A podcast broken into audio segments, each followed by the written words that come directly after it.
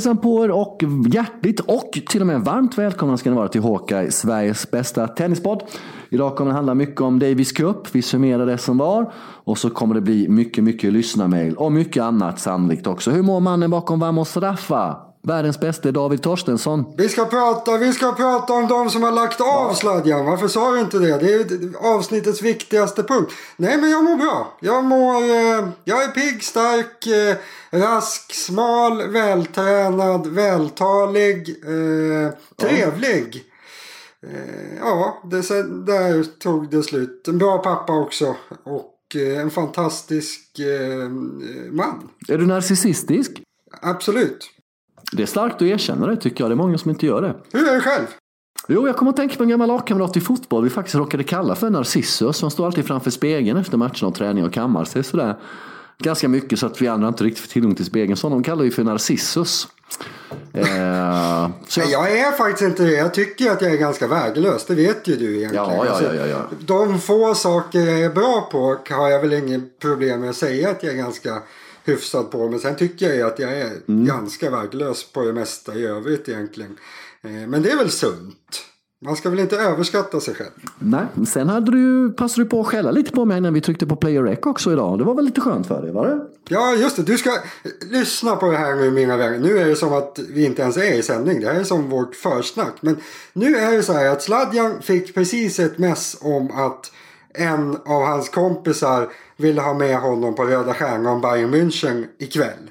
Vet ni vad Sladjan svarade? Han sa nej. Ja, det är helt korrekt. och då, körde jag, då drog jag en lång utläggning här om att vår, vi vanliga människor som bor här uppe i, i vildmarken i Sverige. Eh, vi, vi, får inte se en enda Champions League-match live under vår livstid. Jag har inte gjort det till exempel. Sladjan bor i en stad där det spelar Champions League. Bayern München kommer på besök. Han säger nej. Det är liksom... Det, det, det, det ja, det triggar igång igen. Det är inte acceptabelt Sladjan. Varför säger jag nej? Får jag förklara det då? spelar ingen roll. Jag, liksom, jag, jag godtar inte några skäl. Men okej, du kan få göra ett försök så att lyssnarna får bilda sin egen uppfattning. Det är två ben kan man säga att detta beslut vilar på. Det första är då att min syster är på besök i stan. Eh, kom i söndags, det är tisdag när vi spelar in det här, onsdag när vi släpper det. Och jag har bokat bord på ett ställe sen innan. Och eh, Bayern München är jättetrevlig att kolla på, men Röda Stjärnan är så jäkla dåliga. Jag var ju på matchen mot Tottenham 04. Eh, gick vi 03. De är så dåliga så det är inte värt att lägga fem timmar på det. Det är inte som att åka ta tunnel, pendeltåget till Friends direkt utan det är så jävla mycket logistik också. Eh, och så vidare och så vidare och så vidare. Och sen är det ståplats också. Får man sätta sig ner någon gång? När Nej det är sittplats. Det är sittplats. Liksom, står, är det sittplats? Det är sittplats. Ja, okay. ja, ja, ja, Härligt. Härligt. Och vet du vad det tråkigaste av allt var då om vi ska vara lite kritiska här nu då? Eh, senast då mot Tottenham så var det ingen direkt vidare stämning på läktarna heller. För halva grejen med att gå på Röda Stjärnan i Champions är läktarna publiken. Inte det som händer på plan, för det är de inte bra nog. Ja. Och det var lite tråkigt måste jag säga att den hade, ja, att det var, Jaha. av de sex, sju gånger gått på, på Europa League eller på Champions League-matcher så var det absolut sämsta stämningen. Knappt så att det var liksom, ja, som att det var, kunde lika gärna varit i Stockholm eller Göteborg eller Vad beror det på? Är det andra som köper biljetterna då? Eller vad ja, det är väl mycket business och företag och grejer hit och dit och du vet liksom, det är som en hipp grej att gå på. Och så vidare och så vidare och så vidare. Men vi släpper Röda Stjärnan och Bayern München nu för det är faktiskt en tennispodd. Davis Cup har spelats. Första gången någonsin i den här nya versionen då, som PIK och Cosmos Group arrangerar i Cajamarca i Madrid. Och det kunde inte sluta bättre David, för Spanien vann. Utifrån det perspektivet. Ja. ja. berätta. Och inte bara Spanien vann, Nadal vann. Alltså yes. det, var ju, det blev ju Nadals säsong det här. När man, Helt och hållet. Det är inte mycket, det är inte mycket till distans till säsongen just nu. Men alltså Visst känns det som att Nadal, han vann ju den här säsongen. Det var ju hans, det var hans säsong. Det känns verkligen så. Att han fick avsluta med att vinna liksom. Det blir ju inte mer Nadal-vinst än vad det här var. Han, han hade en fantastisk publik bakom sig i finalen. Han gick och körde maximalt antal Vamos tror jag. I den här matchen. Och eh, ja, han fick stänga ner säsongen med att vinna sista matchen. Eh, Spanien vann. De var bäst. De skulle vinna. Ja, jag har en jätte, jätte varmos till dig nu. Oj. Och till de som eventuellt lyssnar. 2019, när vi tittar i backspegeln 2029 på året 2019. Är då vi konstaterar att det var där Nadal vände och vann och blev den största av de tre stora. Att han la grunden där. För det har han gjort hävdar jag. Han kommer Ja, vinna var det en fråga eller ett påstående? En kombination. Välj du själv. Ja, eh, jag, vet- jag skrev faktiskt någonting i morse om det där. Jag skrev, de, de har ju fem årsslutsvärldsetta var nu de här Federer, Djokovic och Nadal. Och så skrev jag en gång, avsluta med någon fråga. Ungefär den frågan du ställde. Fast nej, en annan fråga var det. Är Nadal favorit till att vara världsetta vid 2020 års slut också? Det, han kanske är det. Jag vet inte. Det, det kan mycket väl vara så. För att han, han har så mycket poäng på gruset under sommaren. Och då krävs det ändå. Det krävs alltid en riktigt bra säsong av Djokovic för att, för att slå det om Nadal presterar på gruset. Så han kanske, han kanske är favorit. Det kanske är han som tar alla rekord till slut. Slams och två och ett halvt år har han kvar för att bli mesta världsetta. Det klarar han väl inte. Men jag menar, han spelar ju några år till. Så. Det börjar bli tajt i rekordstriden mellan dem i alla fall. Det kan man säga. 5-5-5 i det här världsettarstriden. Börjar bli jämnt i slams, jämnt i världsettarveckor och, och allt möjligt. Det är ett hetta kill. För tennisvärlden var jag övertygad om att det är Djokovic när han vann Wimbledon här mot Federer somras att han som skulle vinna ikapp. Men uh, ja, jag är inte så säker längre. Ja, men det där har vi väl pratat om förut. Alltså, Nadal kommer ju troligtvis hinna ikapp och gå förbi först. Det känns ju väldigt troligt att alltså, om Djokovic ska hinna ta Federer då får han ju börja spurta rejält om det ska hända liksom på ett eller två år. Men Nadal han kan ju, han kan ju gå ikapp nästa år. Och det kan inte Djokovic göra. Så Nadal går väl om först. Sen är väl frågan vad Djokovic hittar på sina sista år. Han är ett år yngre än Nadal och sex år yngre än Federer. Så han borde ju ha några år för sig själv på slutet där. Men det vet man inte. Han, han sa ju här i förra veckan att eh, om någon lägger av så lägger de andra två av. Och det är väl inte helt osannolikt, osannolikt heller kanske att Djokovic inte får de här egna fina åren på slutet. Det var någonting Djokovic själv sa, det är ingenting som Federer eller Nadal hade har understrykt om man säger så. I den här intervjun de gjorde någon engelsk Nej men det är, väl, det är väl Djokovic som ska säga det för det är han som kommer behöva ta beslutet troligen. För Ja. alltså, Federer kommer väl rimligtvis lägga av först. Sen är Nadal ett år äldre än, än Djokovic har mer skadeproblem och så vidare. Så det blir väl Djokovic som rimligen får ta det sista beslutet gällande när han ska lägga av som sista spelare. Liksom. Så det är väl han som ska besluta om det där. Om han ska fortsätta efter dem eller inte. Innan vi fortsätter Davis Cup i stort. Djokovic, Serbien åkte ut mot Ryssland. Dubben avgjorde och Trojtski tappade koncepten. Jag såg inte detta själv men du såg det själv och du var inte riktigt nöjd med Djokovic beteende på banan där gentemot sin lagkamrat. Vilken skitstövel! Svin-Novak. Mm, det är inte bra. Nej jag vet inte, det var, det var väl mest jag som såg det kanske. Jag, jag provade det där på ett par andra som såg matchen och de sa liksom, nej men vadå, jag såg ingenting. Eh, Så det kanske var jag som hittade på, men jag tycker det i slutet. Alltså, man är så van vid att dubbelspelare peppar varandra i tennis. Du ser inte mycket dubbelsladdar, jag ser exceptionellt mycket dubbel. Det finns nog inte många som ser mycket mer dubbel än mig. Alltså, de är helt... All annan lagidrott, det finns inga som peppar varandra så mycket som, som dubbelspel. Det spelar ingen roll liksom, om du missar bollen tio gånger i rad. Partnern kommer ändå att säga liksom, "Ja, men bra, bra jobbat, du sätter nästa typ. De är, de är väldigt bra lagkompisar i allmänhet, de flesta dubbelspelarna. Sen finns det undantag också, Lindstedt. Eh, men det här, ja, alltså när, när, när Trojki föll ihop här i, i det avgörande tiebreak, han föll ihop ganska rejält. Alltså han, han har ju väldigt lätt för att bli nervös Turkey. han, han har inte spelat på hög nivå de senaste åren. Så man kunde ju säga inför det här tiebreaket att nu kommer Turkey ramla ihop mentalt. Det visste ju Djokovic också. Eh, men när, när Turkey liksom började göra sina misstag och började missa sina chanser att kanske avgöra. Djokovic hade ju kunnat göra någonting annat än att bara vända huvudet bort och småle lite som han gjorde. Så, nej, jag tycker det var en rätt tråkig avslutning på säsongen för Djokovic. Han var ingen bra kompis. Jag vet inte. Nej, Nej, nu är det SM i spekulation. Vi kommer säkert återkomma till det. Men jag har tjatat om det egentligen ganska länge här i podden. Och det är något som är knas. Jag tror han har tappat hungen. Vi åter, vi, det visar sig. Vi, vi, vi, vi får återkomma till detta. Det vart, eh, Han var ju väldigt hungrig i den här matchen ska sägas. För dig som inte såg den. Alltså, de var vinstsugna serberna. Och det var kanske lite därför också han, han blev sådär. Han är ju ganska mycket vinnare Novak. Så alltså, nej, det störde honom nog väldigt mycket att han inte kunde avsluta den här matchen själv. För han, han är rätt dålig i dubbel men nu var han faktiskt rätt bra. Mm. Så en hyfsad trojkinsats hade tagit, hade liksom tagit dem vidare. Men nu hade han liksom en odugling med sig och han tyckte nog att det var lite jobbigt. Sen är det lite fucked up att han spelat några eh, dubbelturneringar, två, tre stycken på slutet med Krajinovic. Men att man inte spelar de två i en sån viktig match mm. när de är mer samspelt än vad Djokovic Trojtski. Men det skiter vi fullständigt nu vilka beslut Nenad Zimonic fattar. Du, mycket, i stora hela verkar världsopinionen, tennisvärldsopinionen verkar vara nöjda med det här nya Davis Cup-formatet. Även om det var en del eh, mindre saker som felstavade namn, väldigt sena matchstarter eh, och så vidare. Vad är din, eh, om du ska ta fram det, om vi börjar med det, vill du välja det positiva först eller det negativa först? Vad vill du börja med att ta fram? Ja men väldigt nöjda vet jag inte om min uppfattning. Jag tyckte, jag brukar inte undersöka så här jättemycket vad som skrivs i övrigt på utländska språk. Men jag tycker det var, det var ändå ovanligt mycket kritik mot det här tycker jag. Och det var lite liknande det här jag hackade på i början på veckan. Att man liksom inte, man kan ju inte köra en en turnering där man inte berättar riktigt hur det kommer vara. Alltså, mm. Det gick inte ens att hitta om ettan möter ettan eller ettan möter tvåan i singlarna. Och, nej, det, var, det var väldigt luddigt så man fick, liksom, man fick lära sig själv hur det var. Eh, så det, det tyckte jag var superdåligt och det, det tyder på att det var oprofessionellt. Det var liksom inte det var inte professionella människor som arrangerade det här och det var det ju inte heller. Jag menar, det var en fotbollsspelare som var chef över, över det hela. Det, han, han spelar ju fotboll fortfarande så han kanske inte har så mycket tid.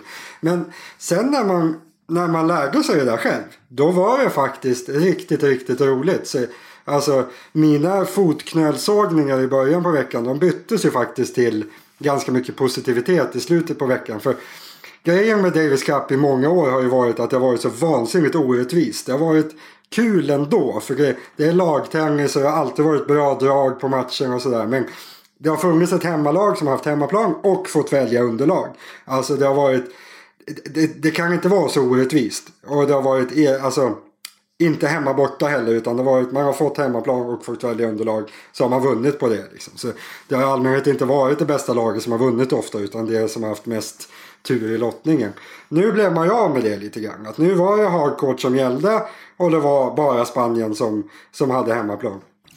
Och det, det blev ju bra. Sen är det klart ja, det var de länderna som hade folk som bor i, i Madrid som hade liksom lite publik på sina matcher. Sen var det ju några matcher som, ah, det var inte riktigt värdigt att de här ska spela inför tomma läktare och, och sådär. Så, nej, det finns brister men till slut blev det ändå, jag gillar det här med att spela lagspel väldigt koncentrerat. Att det var liksom alla spelade nästan varje dag. Det blev ganska kul att följa. Så lite plus överlag men mycket att rätta till skulle jag säga. Och det kommer säkert Cosmos Group med Piqué i spetsen ta fasta på till nästa år när det är Caja Magica återigen. Det är väl det de inte har gjort eftersom de kör i Madrid igen. Hur ja, men... många gånger har fotbolls-VM spelats i samma stad två gånger i rad?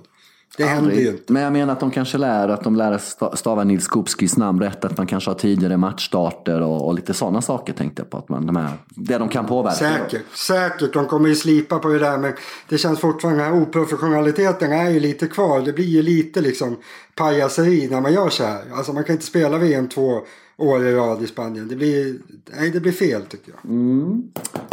Du, eh, en som däremot är jävligt professionell, det är Roberto Bautista Agut. Berätta vad som låg bakom honom och hans spel den här veckan. Ja, jag var ju lite dåligt på det där. Jag missade det första dagen varför han inte, eller första dagen varför han inte spelade. Hans pappa dog ju i veckan här. Jag vet inte om det var liksom från en klar himmel eller om det var halvväntat eller hur det var. Men han, han eh, det gjorde att han inte spelade eh, kvarten och semin där. Sen kom han tillbaka i finalen och avgjorde i princip, slog Felix där. Det får man väl säga är ganska imponerande ändå. Sen i sådana situationer är det väl bra att få jobba, säger väl de flesta. Jag har inte riktigt haft sådana motgångar ännu. Men, men eh, är otroligt bra gjort och rätt eh, kul att, ja det var ju i princip klart när han vann den matchen för de hade ju Nadal kvar där. Så ja, det var en fräsig avslutning. Och att Kanada kastade in Felix i finalen var ju riktigt sjukt också. Han hade ju inte spelat på hela veckan. Och Pospisil som hade spelat andra singeln hade ju varit otroligt bra. Alltså han vann väl alla utom en match tror jag. Och han har inte spelat på ATP-touren på ett par år. Och spelar alltså otroligt bra. Eh, så han borde ju vara lite grinig över att han inte fick spela finalen. Om det nu inte var så att det var något fel på honom. Jag har inte sett någonting om det. Men ja, det var en jäkla chansning att kasta in Felix i annat fall får man säga. Det, det var ju inte frukt även om han Nej. inte var dålig i den matchen. Fan var ju sliten redan till fjunisarna i Milano. Tackade du nej till det liksom och sådär. Eh, vad det gäller Baut- Bautista Gutt så dog väl hans mamma för drygt ett år sedan också. Han har haft ett ganska tungt år. Eh, vid sidan av, vi önskar honom lycka till framöver. Sportsligt, han har haft ett fantastiskt bra år dock. Och härlig avslutning kan han vinna Davis Cup. David, hur, men tror du på det här formatet? Eller satt du hemma då liksom förra veckan och kände att du saknade gamla Davis Cup som du är inne på lite med hemmapublik och hemmastöd och, liksom och sådär. En helt annan, ett helt annat drag, en helt annan energi. Satt du och saknade det någon gång det gamla formatet? Eller kände du att det här är framtiden? Vad, hur gick tankarna? Alltså, det, det är ju så otroligt olika sak. Alltså Davis Cup är ju något som har flutit över hela året. Det här blev ju mer en, det här ska ju ses som en vanlig tävlingsvecka liksom. Så det är klart att Davis Cup-veckorna, ja de, har ju varit med, lite trevliga. Men då ska man veta också att det har ju inte varit något måndag till torsdag den veckan. Och det har inte jag riktigt gillat. Att då har inga andra fått tävla den veckan. Bara för att Davis Cup-lagen ska spela på helgen. Så det har ju varit ett minus. Och sen den här orättvisan som sagt. Det, på grund av den så har ju hela formatet känts dödsdömt tidigare. Så jag skulle säga det här är ju en bättre idé. Men då ska man ju helst göra det riktigt bra också. Att på något sätt så jag tror att om man vill få Davis Cup till att vara liksom det som är det riktiga VMet i tennis. Då måste man, nej men man måste göra det på ett sånt sätt att folk ser det som trovärdigt. Just det här, man kan inte spela i Madrid hela tiden då. Det går inte för då blir det mer som en liksom vanlig turnering eller som en uppvisning eller vad man ska kalla det. Att varför ska, det går liksom inte att motivera om man vill vara VM i tennis som de vill vara. De hade till och med den sloganen här. Då kan man inte göra så för då blir det något annat. Eh, och sen måste det såklart bli mer proffsigt. Alltså, det var alldeles för dåligt. Sen, Första året absolut, men det är, liksom, det är ingen liten grej att arrangera Davis Cup. Även om det är första gången man gör det på det här sättet. Man får inte vara dåligt förberedd. Så jag tror att de måste slipa rejält. Och sen, de får ju väldigt tung konkurrens av ATP Cup som, som börjar spelas. Ja, det är om några veckor, precis i början på nästa säsong. Där alla bra spelare ska vara med i princip. Så Ja, vi får väl se. Det blir nog en liten kamp mellan de här två. Vilken som blir det riktiga VM i tennis. Jag tror ATP Cup kommer inte vara dåligt arrangerat. Så mycket kan jag ju säga. Så det, det är nog lite favoritskap på att ATP Cup blir bättre än Davis Cup tror jag. En sammanslagning kanske av de två, en merger, så att vi får ett riktigt VM skulle kunna vara någonting, eller hur? Ja. Oavsett... Det är svårt eftersom de har ju köpt det här för väldigt dyra pengar, Davis Cup. Jag tror inte ATP liksom kommer vilja betala tillbaks det. Eller ja, det är skitsamma. Jag tror att det blir svårt. Men det hade ju varit det bästa såklart att bara ha en. Mm. Vi släpper Davis Cup och eh, vi går igenom lite spelare som lägger av i år. Det är väldigt många som lägger av. Till exempel Berdic, Federer har vi diskuterat förut. Bagdatis har vi också nämnt. Tipsarevic har vi nämnt och så har vi svinen svin, Nicolas Almagro bland annat. Och eh, legendaren från Quito, Ecuador, eller som vinner turneringen där, Estrella Burgos, lägger också av. Ska vi börja med Berdic? Vilka hjältar! Ja, exakt. Eh, nej men det är ju ett gäng som slutar varje år. Det här var i år var det väl det var ju lite bättre spelare än vanligt som, som slutade kanske. Berdic är väl den, ja kanske bästa. Färger kanske var lite bättre totalt över karriären. Det är väl lite halvt jämnt skägg där. Men Berdic väldigt bra. Men det är ju sådär när en spelare har fallit ifrån under ett par år som Berdic har gjort. Då känns det inte sådär. Det blir ju liksom ingen stoppa pressarna när han berättar att han ska lägga av i, eh, som han gjorde här veckan. Men Berglund, ja, man ska ju komma ihåg honom som när han var bra. Han var ju, han var ju cementerad på topp 10. Alltid när han inte var skadad. Eh, sen hade han ju, han var ju alltid begränsad. För han, han hade ju aldrig någon som helst variation Berglund. Han servade jättebra, han slog jättehårt. Han var inte jättesäker men ganska säker. Han rörde sig hyfsat för att vara så stor. Han var stark fysiskt. Praktexemplar. Alltså, han var väldigt, väldigt bra. Men han, man ska väl säga också, han slog ju ganska sällan de bästa. För där blev han ju liksom lite borttaktik eller vad man ska säga. Han hade inte så mycket att, att komma med där. Men ja, det är väl ganska okej okay. att ha varit topp 10 i tennis i 10 år i stort sett. Så. Wimbledon-final 2010 mm, var torsk mm. mot Nadal. Det var väl, är det enda Grand Slam-finalen? Han har spelat någon mer Grand Slam-final? Jag tror inte det va? Det har han inte gjort. Jag undrar om han vann en, eh, jag tror han vann en Masters-titel också. Kan det stämma? Det kan det säkert göra. Eh, Federer har vi pratat ganska mycket om. Vi älskar ju honom båda två väldigt, väldigt mycket. Eh, Ja, men det är samma sak där. Han har ju fallit ifrån. Han slutade ju i, i somras. I våras, ja. Madrid kan man säga i princip. Ja. Precis. Han, det, det var ju år han slutade men vi har ju pratat igenom. För, alltså, Och det har vi gjort med Bagdatis också. Men Almagro har vi inte snackat så mycket om. Svinens svin. Vad beror det på? Att vi inte gillar honom? Nej, det är väl mer du som inte gillar honom va? Nej, jag tror inte han är så trevlig. Han var så här... Malmagro, han, han är två år yngre än mig. Han har ju varit med nästan hela tiden som jag har följt tennisen. Han var så här, även innan jag började skriva om tennisen så, så tyckte jag alltså den här killen, han är ju ett riktigt jävla svin. Alltså det går nästan inte att se mer otrevlig ut när man spelar än vad han gör. Alltså han, han är alltid sett genuint dryg, otrevlig. Länge var han ju en skitunge liksom. Kändes som. Ja, man var skitunge som aldrig blev vuxen. Sen när han blev 30, ja, men då kändes det som att ja, nu är han inte skitunge längre. Han är ju bara dum i huvudet liksom. Eh, och sen har ju väl rullat på sådär. Han, jag vet inte, finns det någon där ute som gillar Amagio? Jag har aldrig hört någon som gillar Amagio. Han är inte trevlig. Nej, det är mycket att möjligt. gilla. Det är mycket möjligt. Det är mycket Bra möjligt. spelare dock. Ja. Intressant spelare. För eh, grusspecialist såklart. Extrem grusspecialist. Men spelade inte på ett grusigt sätt eller vad man ska säga. Han var, han var inte särskilt, eh, alltså han är ganska liten. Han är väl dryga 1,80. Borde ju ha den här typiskt spanska spelstilen. Springa och jaga boll liksom. Men han var ju snarare en som vi, eh, nästan bara ville vara offensiv. Slog väldigt hårt. Otroligt underskattad serve. En av de bästa andra servarna av alla spelarna skulle jag säga. Hade kunnat vara ännu lite bättre tror jag om man hade liksom han var aldrig riktigt beredd att ha den där spelstilen. Det var som att han hade något att han verkligen ville vara något eget. För han, han gillade aldrig att försvara sig ut i hörnen Almagro. Han chansade ofta där.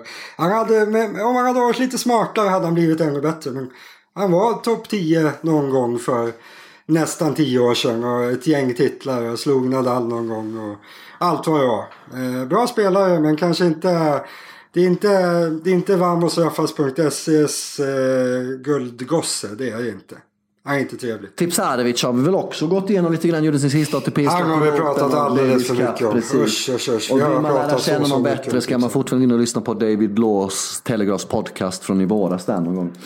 Men du, Estrella Burgos lägger av då. Efter vunnit den skumma turneringen på hög höjd i Quito i tre år i rad. Vad beror det på? Eller är det någonting du orkar prata om? Vi måste ju nämna Estrella Burg. Han slutade för ett par månader sedan. Han, han var ju aldrig en bra spelare. Det ska man ju säga. Han var, han, han, han, det intressanta är väl att han slog väl igenom. Jag tror han blev topp 100 första gången han var 32 eller något sånt där. 33. Det är ju inte fullt normalt kan man inte påstå. Utan han, han spelade länge på liksom inte bara på Källingetouren utan Future-touren. Sen vann han den här turneringen som Sladjan sa i Quito. Den här på 2-3 tusen meters höjd där ingen klarade av att spela utom han. Tre år i rad. Och inför varje år sa man det. Ja, första året sjukskräll. Andra året sa man nej man kan aldrig försvara det här. Han är helt värdelös. Han vinner ju knappt match på Källingetouren. Så vann han igen. Och sen tredje året gör han samma sak. Fast det alltid åkte dit ett gäng ganska bra spelare. För det var ju många som tänkte att men dit åker vi och plockar enkla poäng för ingen annan som vill åka dit. Men lik förbaskat var det Estrella Burgos som vann varje år. Det är alltså när man knappt har vunnit match på ATP-touren i övrigt och vinner en ATP-turnering tre år i rad. Det kommer ju aldrig hända igen. Så en superhjälte i sitt slag Estrella Burgos, men bra det var han aldrig. Det är ungefär som att du kommer åka till Torino tre år i rad och kolla på ATP-slutspelet från, från och med 2021. Det har du trott att du aldrig ska göra, men det är precis vad du kommer göra. Eh, Jaha, under tvång eller? Kommer, kommer att boja mig och kanske söva mig och flyga dit? Jag tror att det ska mycket till om man måste tvinga dig till att se världsklasstennis live. Det tror jag inte behövs. Om man skickar Jag måste en ju åka och- utomlands, Ja, men- flyga och. Hotell, Ja. business class, fint hotellbokning, du blir upphämtad på flygplatsen, vi fejkar att du har någonting att göra med ATP där. Så tror jag nog att du kommer ner kvickare än kvickt. Eller hur? Jag hör vad du säger. Ja, man, du får, ju- säger. man får ju skapa förutsättningar så att folk vill komma helt enkelt. Men erkänn att du tänkte jättemycket på Torino förra veckan när du såg Davis Cup i Madrid och tänkte så här kommer det bli ATP Torino. Erkänn att du gjorde det. Var inte blyg nu. Ja, efter, eftersom jag tyckte att det var jäkligt dåligt, dåligt arrangerat och allt det där. Så ja, exakt så där kommer det bli i Turin. Det kommer bli kaos. Spelarna kommer inte komma dit i tid ens. Italienarna kommer tycka att det gör inget om man kommer en kvart sent. Och så. Ja, det blir, det blir kanonsladjan. För Serie A-matcherna drar ju alltid igång en kvart för sent varje helg. Bra David, underbara argument. Du, vet du vad vi borde skaffa oss? Nej, Vi borde skaffa oss en signatur som vi spelar upp när vi ska läsa lyssna-mail. Det är vad vi borde just göra. det. Varför en jingel? Ja. Varför har vi inte en jingel? Ja, det kanske någon kan ta fram som klipper det här så småningom. Det här är första lyssnarmejlet. Vi har sju stycken idag. Och det här är då en reaktion på förra veckans program. Rubriken är helt fantastisk. Rubriken är följande. Kan team göra mig fattig? Frågetecken. Det är Patrik Engsell som har skickat detta. Och Patrik skriver följande. Tänk dig gärna till nästa gång du skriver Patrik att det inte är förbjudet att ta lite större punkter. Så här 14 eller Vad, 16. är det 14, 14 uppåt som gäller så att vi gör Ja, där 12 klart i alla fall. folket? 12 i alla fall. Okej. 12. Okej, vad- är det här 9 eller vad, vad ligger han på? Jag tror att det kan vara 9-8 ja. Tjena grabbar! Först tack, för, tack att ni finns. Det är inte ofta man hör sånt. Du. Eh, Det är inte det första man får höra när man vaknar varje det är ingenting frugan säger till dig när du stiger upp på morgnarna. Va? Tack för att du finns. Nej. Absolut inte. Det är mer en grymtning om man råkar så, se mig. Det är Åh typ herregud. Ja, vi kämpar på här. Men det, vi uppskattar att du uppskattar att vi finns Patrik. Eh, eh, han uppskattar vår podd och han uppskattar Vamos Raffa och det är den enda vettiga Ja, han ger oss lite beröm helt enkelt. Eh, Vi behöver inte gå in på det. Äsch. Nu till min fråga. Ni rörde lite i detta förra veckan, men jag måste ändå ta upp det. Jag och några goda vänner var på plats i London och såg semi och finalen i helgen, alltså ATP London. Eh, vi såg ju då självklart team och jag hävdar bestämt att pojken aldrig kommer vinna någon annan Grand Slam än Franska öppna. En av mina vänner hävdar bestämt motsatsen, var på ett ganska dyrt bett blev av efter några öl för mycket. Några öl för mycket, de har kanske tagit en 6-8 innan man tar de här några för mycket. Ja, Corona Lounge har de suttit där hela dagen. Så jag undrar Mys. helt enkelt, lyssna nu David. Så jag undrar helt enkelt, kommer team förstöra min ekonomiska situation? Här är det svårt för oss, vi vet inte exakt hur mycket pengar du sitter på Patrik, i madrassen eller på bankkontona. Och hur mycket stor del procentuellt sett av denna som du satsade på bettet. Men eh, kommer Patrik få rätt att team vinner endast Franska öppna eller kommer hans kompis få rätt David? Knepigt läge här alltså. Känns det som ett långtidsspel det här? Mm. Alltså det, det är tio år eventuellt innan Patrik får sina pengar. För team kommer ju spela tio år till. Så, nej, det kanske inte var så jäkla smart. Okay, men men eh, för, för att kommentera bettet så eh, nej, jag tror inte heller han vinner någon uh, slam på hardcourt faktiskt. Så det var väl... eh, jag hade valt Patriks sida. Mm.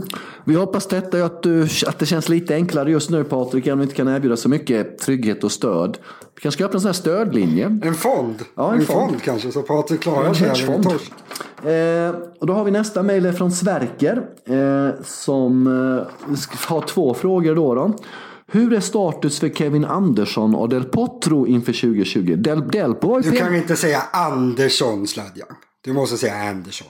Nej, varför kan jag inte säga Andersson? Du vet ju exakt vem jag tänker på. Ja, ja, ja. ja. ja, ja. Okej, ursäkta. Vi tar det från början. Då. Hur är status för Kevin Anderson? And Juan Martin Del Potro? Vill att vi ska prata så istället då? Är det lika viktigt att jag får in Del Potro? Nej, det vill jag ju inte egentligen. Jag klagar Nej. alltid på sådana som uttalar ryska. Jag, jag lever absolut inte som jag lär. Jag tar avstånd från mig själv. Vi ska inte Fortsätt. nämna några namn, men jag jobbade ett tag på, med Champions League och Premier League-studion i Sverige. Och då hade vi en programledare som en dag skulle tala om för mig hur man uttalar jugoslaviska efternamn. Det är alltså mitt modersmål, apropå ödmjukhet och så vidare. Ola Det Wenström. hade kunnat vara jag. Ola Wenström heter han. Okej, hur är status för Kevin Anderson och Del Potro inför 2020? Vad tror ni om deras möjlighet att komma tillbaka till topp 20? Mycket 20 här då. Och så kommer fråga två här. Vi kommer drömma om siffran 20 i natt. Vilka, grand, vilka tar Grand Slam-vinsterna 2020? Nämn två vinnarkandidater för varje GS. Och en ska vara inom topp tre idag och en utanför topp tre idag per tävling. Utveckla gärna varför valen gjorts. Det här är härligt. Okej, vi börjar med Andersson och, och. Jävligt tydliga ramar måste jag säga. Andersson och Delpo. Andersson och Delpo, vad säger? Ja. Vi har ingen aning Så fort, de börjar, så fort de börjar spela så är de ju tillbaka på topp. Alltså det tar ju ett tag. De har ju tappat alla poäng och så vidare. Men om de kommer igång från första början nästa säsong. Vilket Del Potro ska göra i alla fall. Anderson vet jag faktiskt inte. Jag, jag tror inte han har kommit igång och tränat på samma sätt som, som Del Potro. Men Del Potro handlar ju bara om hur mycket han spelar. Alltså spelar han bara lite mindre än de, de andra då, då blir han ju topp 10 ganska snabbt. Ja. Han, är liksom, han har kommit tillbaka förr så att säga och har... Ah, han, han, om man säger spela tennis med en reservdelskropp så, så vill man kanske spela lite som Del Potro. Han, han behöver inte ha en så jäkla bra fungerande kropp för att spela. Så, sen om man kommer tillbaka till att kunna hota de absolut bästa som han faktiskt har gjort nästan alltid när han har varit tränad förut. Det, det vet man inte hur många gånger han klarar, men topp 20 utan tvekan. Kevin Andersson, han är ju inte mycket skadad egentligen. Det var ju det här nu. Så han kommer väl tillbaka och är bra igen. Jag kan inte tänka mig något annat. Men David, jag är lite orolig för Kevin. Eh, för att den har varit ganska diffus och långvarig den här skadan. Och han har inte haft så mycket skadeproblematik. En del, när de får den första allvarliga, har svårt att komma tillbaks. Och i det här fallet är ju inte hans ålder något plus heller. Där är jag lite orolig faktiskt för att, Kev, att vi kanske inte får stort, se. Ja, ett stort minus också att, att eh, det har kommit till lite andra spelare sen han var Exakt! Bra. Topp 10, nej. Mm. Topp 20, ja. Härligt. Sverker, vi går över till din fråga nummer två då. Och då är det följande. Vi ska så lämna två vinnarkandidater för varje GS och en ska vara inom topp tre idag och en utanför topp tre. Då väljer du David Australian Open i januari. Din första kandidat, en av topp tre killarna som är en av då RF, ND eller eh, RN. Vem väljer du? Väljer du RN, väljer du Novak eller Raffa i Australien? Nej, men jag, alltså, jag tar ju nog, jag är lockad att säga Nadal. För det känns ju som att ja, det, det, är lite mer momentum honom just nu. Men sen vet jag ju hur det blir. Om, om Novak bara ser hyfsad ut, då slår man inte honom i Australien Open. Så han, han får bli min favorit. Och vem väljer eh, du icke topp tre då för Australien? Är det Super-Danny eller blir det någon annan? Blir det Tsitsipas? Blir det Team? Blir det Zverev? Vem tar du? Fy vad så. Nej men då tar jag Tsitsipas utan motivering för jag vet inte varför. Ja, och då får jag välja då. Jag väljer MD. Eftersom han har vunnit där mycket tidigare hit och dit och brukar egentligen ofta spela sin bästa tennis i tidigt på säsongen va, om vi ska vara krassa. När han kommer från semestern och har fått bygga upp sig ordentligt. Och jag kör på Super-Danny Medvedev som icke topp tre då. då. Är det okej? Okay? Och Roland Garros, eh, kanske du väljer Raffa bland topp tre då eller? Ja, det är väl svårt att inte välja Raffa. Och sen är ju där är ju självklart, det är ju Raffa och Team. Det är de två förmodligen favoriterna, så det är ju ganska enkelt. Jag väljer exakt samma. Raffa topp 3 och TM utanför topp 3. Sen har vi Wimbledon. Vem väljer du? Roger eller Novak? Eller går du på Raffa? Uh, Nej, det blir ju Novak där också. Om inte Roger slog honom i år i den finalen, då slår han honom aldrig igen i Wimbledon. Känns det ju som. Han, kan, han kommer inte göra en bättre match i alla fall och Novak kommer förmodligen inte vara sämre. Um, sen tar jag Super-Danny där. Han har, ju, alltså, han har ju egentligen det perfekta grässpelet. Han måste kunna få till det helt perfekt i Wimbledon. Så jag tar eh, Novak och Super-Danny. Okej, kom ihåg vad ni hörde detta först. Nick Kyrgios. Som topp 10? Kommer han vara topp 10 inför Wimbledon? Nej, jag tar ju Novak som topp 3 såklart. Men utanför topp 3, Nick ja. Kyrgios. Ja, förlåt. Ja, det är ju vettigt. Alltså, han, han är ju, gräs är ju helt överlägset underlag för Kyrgios. Han ju, hans kapacitet på gräs är ju... Ja. Sen har vi US Open. Han kan slå alla. Yes, US Open, slutet på året. Vi vet att där brukar det hända alltid sensationella grejer och, och mycket oväntade saker. Den är ju egentligen ganska svår att förutse redan nu då, men vad känner du där för topp 3? Rafa ja, då, då, tar jag väl, jag tar väl Nadal. Det blir väl samma som i år. Alltså att Novak har börjat ledsna lite grann och Federer eh, nej och nej, det blir Nadal. Och så som eh, skräll där. Nej, äh, men jag går på Superdummy ändå. Han, då har han förmodligen blivit ännu lite bättre. Och, ja, han känns som ett bra skrällbud där också mm. tycker jag. Jag tar Tsitsipas som är tre topp tre och sen är det jättesvårt att välja mellan Rafa och Novak måste jag säga. Görsvårt. Det är väldigt giss, gissningsaktigt. Ja. och sen ska vi inte glömma att jag har ett OS där i, i, i Tokyo också David inför US Open. Och om Rafael, Vilken månad är det? Den är i början på augusti, i princip Cincinnati eller Montrealveckan? Eller strax innan Montreal, till och med i slutet på juli.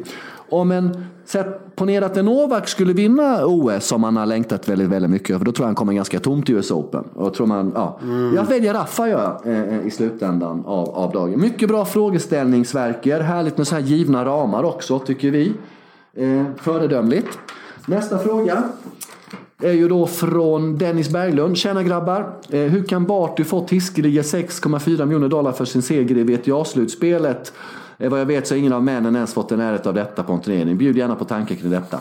Ja, det är helt korrekt. Det var rekordsummor där. Det handlar väldigt mycket om sponsring och grejer hit och dit och bla bla utan att vi har någon sån direkt kännedom om hur det där går till exakt. Men vad fan om folk vill betala folk så klart att folket har betalt, eller hur? Det är inte konstigt David. Ja, Nej. Utan tvekan, det är den första att hålla med om. Alltså det, det, vill folk betala de prispengarna för det? Det gick ju i Kina i det och i Kina vet man väl att det sällan är, när det gäller sådana saker är det sällan något problem med pengar. Fotbollsspelarna tjänar in slantar så att säga och så vidare. Till och med Svenny tjänar mycket pengar i Kina, förstår ni hur långt det har gått.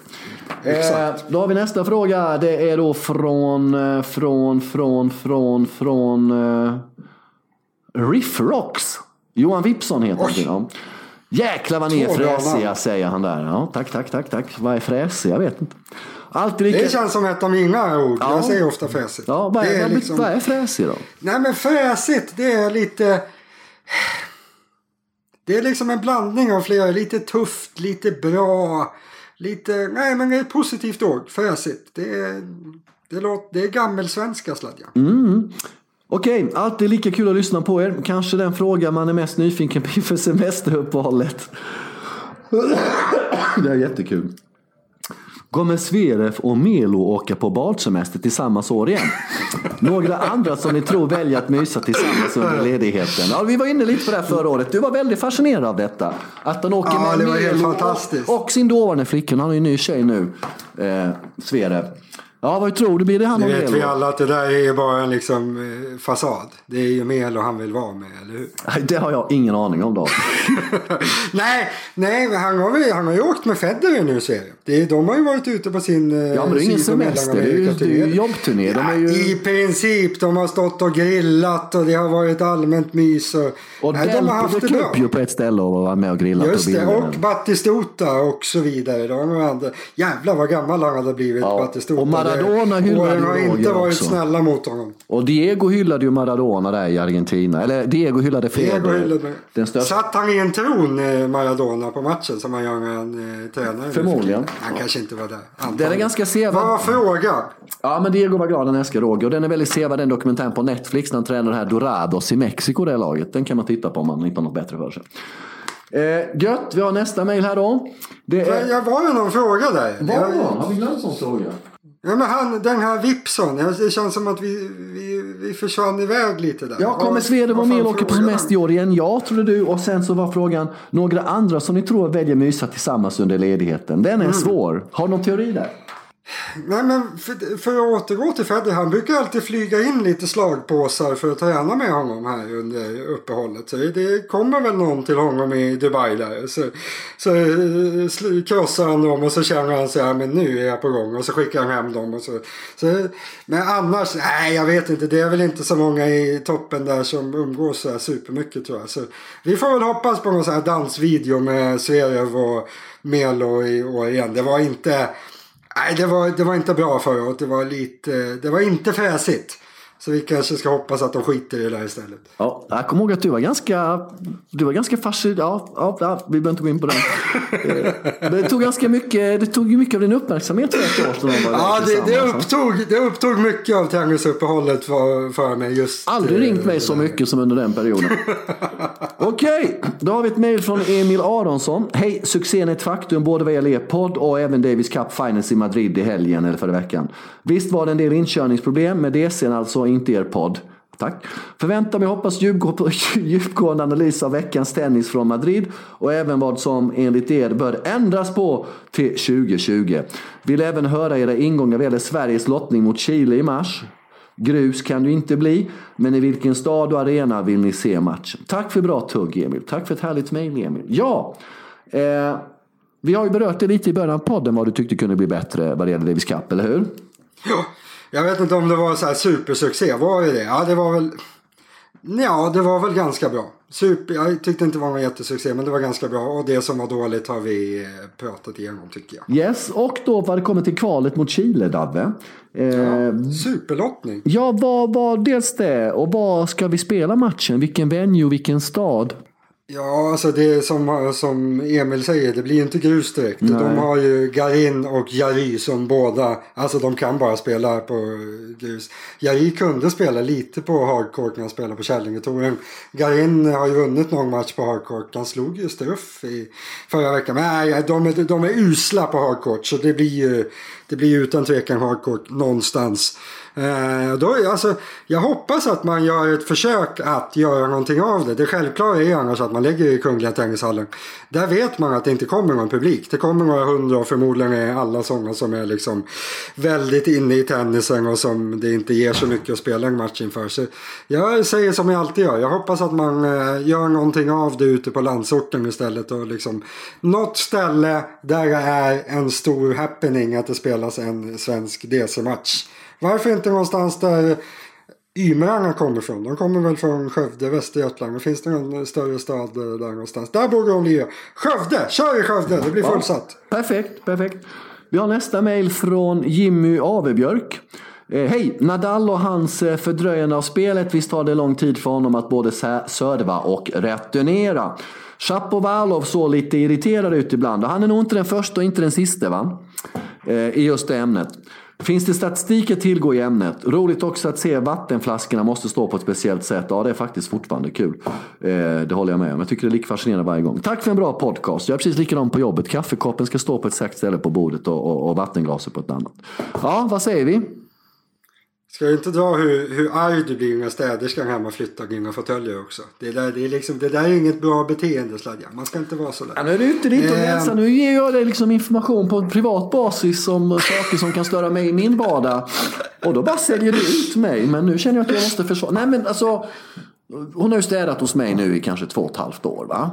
Och hon är där en gång i veckan. Och liksom. Då tycker jag, om jag hade städat hemma hos någon, då hade jag ju liksom tänkt så att om, om, om, om, om, om saker och ting står på ett visst sätt så antar jag att de ska stå kvar på det sättet, eller hur? Man flyttar ju inte på mm, saker och ting. Man, om man ska städa, alltså städa innebär ju lite att man, att man liksom städar. Och då kan det ju vara att med någon centimeter kan ge sak. För hon vill ju säkert dammsuga under de här, eller hur? Och då kanske hon inte tejpar upp runt de här eventuella fötterna. Jag vet inte hur dina fåtöljer ser ut. Men att hon inte gör liksom en sån här tejp grej runt som vet millimetervis var den ska stå. Jag, jag bara spånar att det kan vara så att de faktiskt försöker men att det inte blir på centimeter eller millimeter som du vill ha det. Jag är fullt medveten om att eh, de flesta människor brukar flytta på en fåtölj när man vill liksom dammsuga under eller soffan. Men det kan man ju ställa tillbaka på ungefär vad det stod. Jag måste ägna 20-25 minuter åt att göra i ordning bokhyllan, alla grejer där, allt i huller om buller. Fåtöljerna, soffbordet, massa andra saker. Eh, så att nu här om eh, månaden bara kvar när hon kommer, annars brukar jag dra innan hon kommer då, liksom, jag hade en mindre genomgång med henne att det här är viktigt för mig för att jag är ganska, ganska anal i vissa, i min personlighet liksom. Vill ha ordning och reda att det ska vara på ett visst sätt och saker ska, jag ska hitta sakerna, förstår du vad jag menar? Vi blir till orden David, korttidsminnet är ju lite satt ur spel också. Eh, har du, ja. ja så att, du, eh, du är rolig Sladjan. Ja. Jag tycker att du är jag rolig. Kanske lägga ut ett kort på, på Hawkeyes Instagram eller Twitterkonto. Det ser ut i mitt vardagsrum. Men då får du också göra ja, det. det så kan ju de som lyssnar då, så får vi, ja, jag vet att det kanske gör en vardagsrumsgrej så här off season. Tennisvardagsrumsgrej. Ja, hemma, hemma hos. Ja. Är det knivar i min lägenhet? Så här, det är en perfekt lägenhet att hänga i. Ja, exakt. Det är därför jag bor här. Så.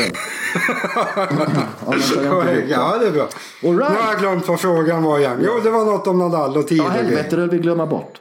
Eh, ja, eh, det här med fördröjningsspelet och statistik finns väl inte tillgå i ämnet. Nu har de jävla skottklockan. Men Raffa är väl nästan jobbigare när han, när han ska returnera. Va? Han ber att få mer tid och säger till morsan ja, alltså, att han inte är redo. Det, det är det som ja, irriterar precis, Han håller upp. Ja, det är ganska. Det blir ju ibland sådär att han motståndaren servar och så håller Nadal upp handen. Eh, och så går servern om. Så ska det inte vara. Alltså returneraren ska ju alltid vara redo när liksom servaren ska serva. Så där gör ju domaren fel då som, som låter Nadal spela om de där poängen. Han borde förlora poäng för han ska vara redo att ta emot servern när servaren, när servaren ska spela. Det, det finns någon regel som säger att Alltså servaren måste ändå hålla ett rimligt tempo. Man får inte springa fram och serva om inte motståndaren som ska returnera är där. Liksom. Men, men har man 15-20 sekunder mellan då ska Nadal vara redo. Eh, och där fuskar han ju lite. Han liksom, sen, sen, alltså, det här med att säga att Nadal tar mycket mer tid på sig än någon annan och sådär. Det är ju otroligt förlegat. För alltså, när är den här, den här servklockan inrullad? Alltså han håller den ju på sekunden. Eh, sen, sen att inte domaren sköter det där och sätter igång den för sent hit och dit. Men det är inte som att Nadal går över serve.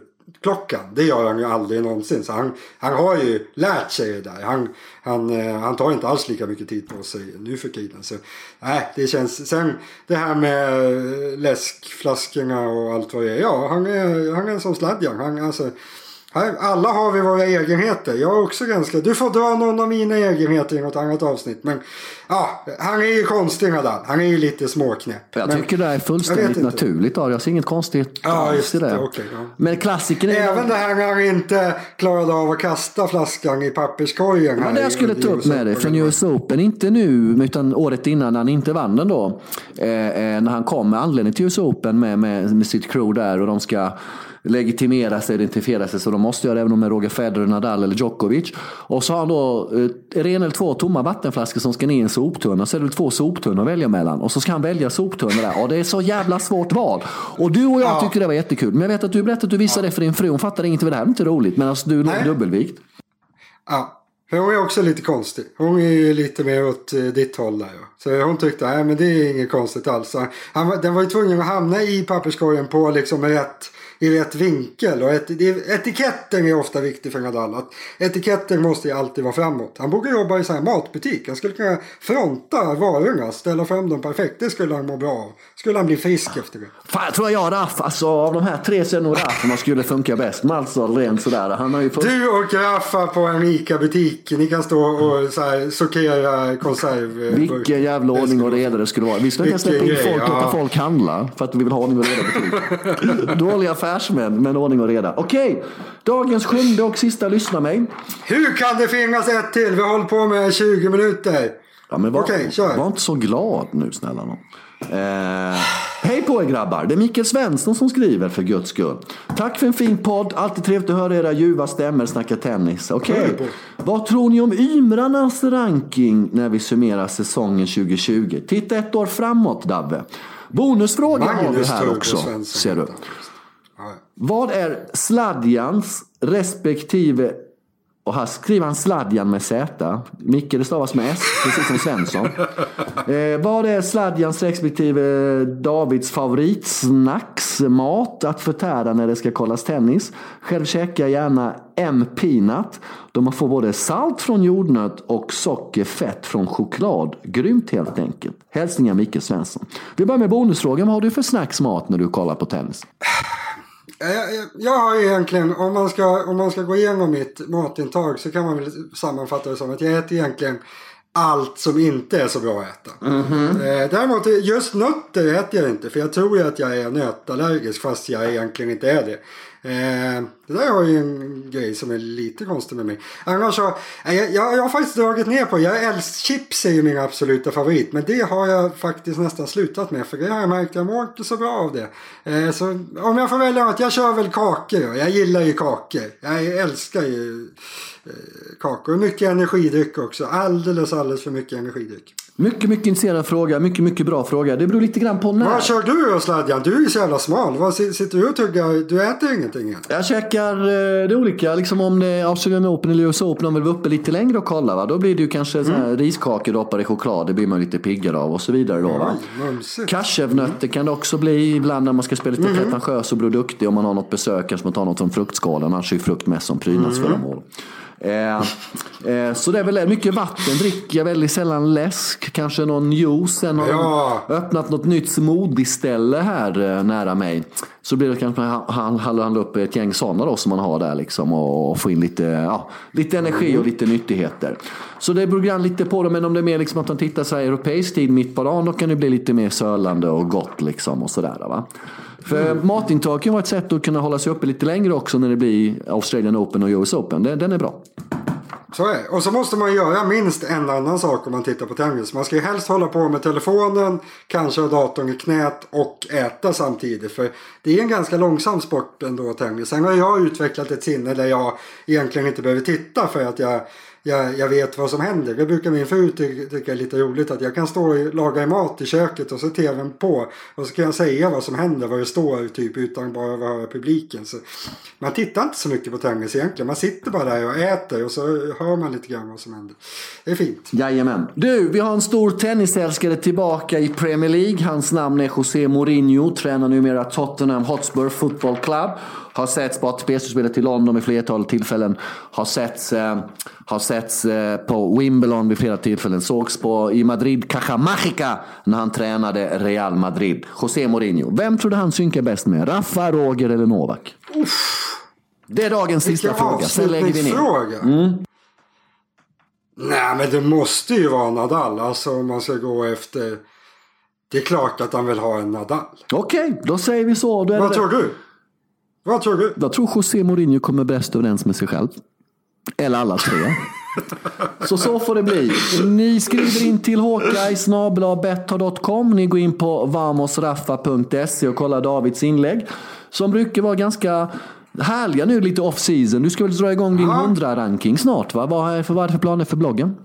Ja men nu blir, nu blir det lite roligare egentligen för mig. För alltså ibland så blir det lite maskinellt och bara skriva om det som händer varje dag inför och efter. Det blir liksom ibland känner jag att fan det här var inte så bra. Nu blir det ju mer att jag har ju tid att liksom fundera lite grann på vad jag ska skriva och kan skriva lite om lite andra grejer. Så eh, det blir lite allt möjligt och som du säger 100 bästa listan kommer ju komma också. Där jag skriver en liten text om varje spelare som jag tycker är bland de 100 bästa. Där, där rankar jag dem helt enkelt efter hur bra de är istället för vad de ligger på ATP-rankingen. Det brukar folk tycka är lite fräsigt. Vet du jag kom på nu? Så det blir nog bra. Jag kom på att vi var inte så jävla fräsiga när vi glömde svara på den fräsiga frågan om Ymerarnas ranking om ett år. Jag tror att vi gick på bonusfrågorna direkt. Snabbt Ymerarnas Mikael ranking. Ymer, Mikael Ymer 59, Elias Ymer 97.